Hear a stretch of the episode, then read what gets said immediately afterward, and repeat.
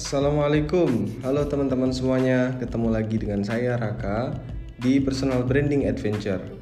Ini sebenarnya udah lama ya, saya nggak rekaman podcast lagi. Udah hampir sebulan kayaknya. Tapi alhamdulillah uh, saya senang bisa uh, kembali nyekrip dan kembali menyuguhkan untuk teman-teman apa yang sedang saya temukan gitu ya.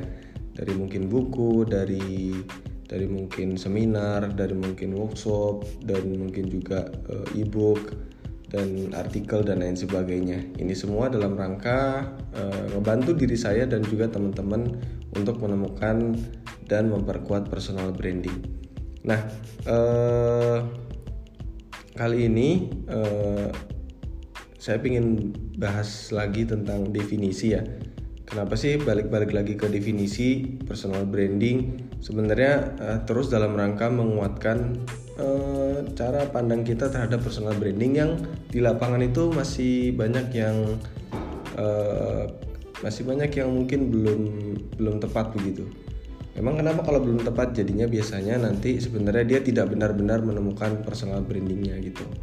Nah uh, kali ini saya ada sesuatu yang menarik uh, untuk mendefinisikan personal branding. Nah, untuk mendefinisikan, izinkan saya meminjam dulu terminologi Pak Subiakto, pakar praktisi branding, dalam mendefinisikan brand pada umumnya.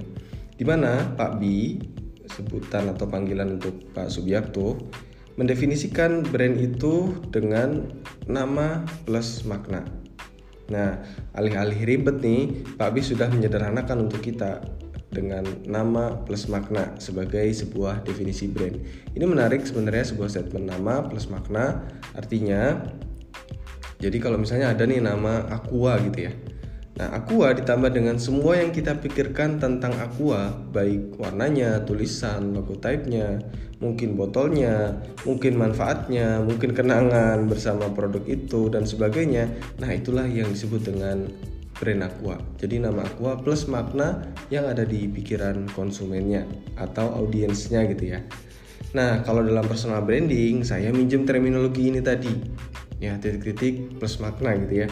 Nah, di personal branding buat saya bisa kita artikan sebagai peran peran plus makna. Sekali lagi, personal branding adalah peran plus makna. Nah, jadi peran seseorang nih dalam kehidupannya ditambah apa yang diingat orang lain tentang perannya itulah personal branding orang tersebut gitu ya. Sekali lagi ya jadi peran seseorang dalam kehidupannya ditambah apa yang diingat orang lain tentang perannya itu ya itulah personal branding si orang tersebut. Memang dalam personal branding itu kita bicara peran seseorang bukan sekedar perilakunya atau mungkin kata-katanya secara umum. Kenapa karena memang untuk membangun dan mempertahankan personal branding itu memang pakainya peran gitu. Bukan sekedar statement, bukan sekedar kata-kata kita, bukan sekedar perbuatan, bukan sekedar sesuatu yang kita tuangkan dalam konten, bukan bukan bukan hanya itu gitu. Nah, peran di sini membuat semua hal tadi baik kata maupun perbuatan kita menjadi punya konteks. Konteks ini apa sih? Konteks ini itu semacam ini orang lagi ngapain sih gitu. Nah, peran di sini adalah untuk menjadikan semua yang kita lakukan dan kita katakan itu ada ada konteksnya. Gitu. Nah, konteks ini tadi yang akan membuat audiens kita itu paham siapa diri kita. Kalau nggak pakai konteks, nggak pakai ini dalam rangka apa orang ini berbuat ini. Ini dia sebagai apa siapa. Kalau nggak ada konteks itu semua itu audiens pahamnya itu susah. Gitu kira-kira. Nah dengan begitu audiens lebih mudah mengenal kita dan dengan begitu otomatis akan ada banyak peluang yang datang kepada kita. Kenapa? Karena jelas ini siapa lagi ngapain, mau berbuat apa, bisa bantu audiens apa, jelas gitu. Sehingga peluang itu akan banyak datang karena orang mudah mengingatnya, mudah mengingat perannya, gitu kan, mudah mengingat dia bisa membawa solusi apa. Jadi akhirnya orang dalam konteks tertentu itu akan menghubungi akan mengontak, akan mendekati orang uh, si si orang yang sedang melakukan personal branding tersebut untuk kemudian uh, berkolaborasi dan lain sebagainya.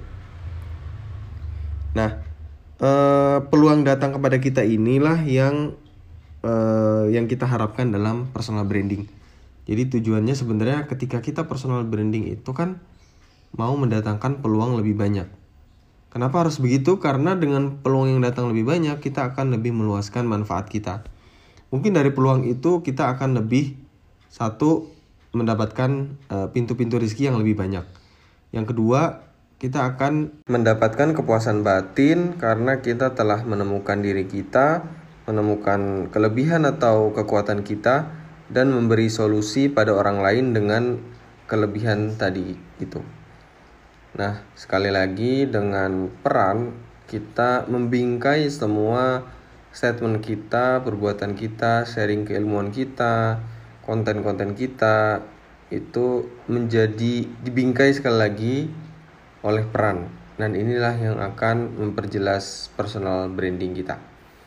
Segitu sharing saya untuk hari ini. Mudah-mudahan bermanfaat. Assalamualaikum.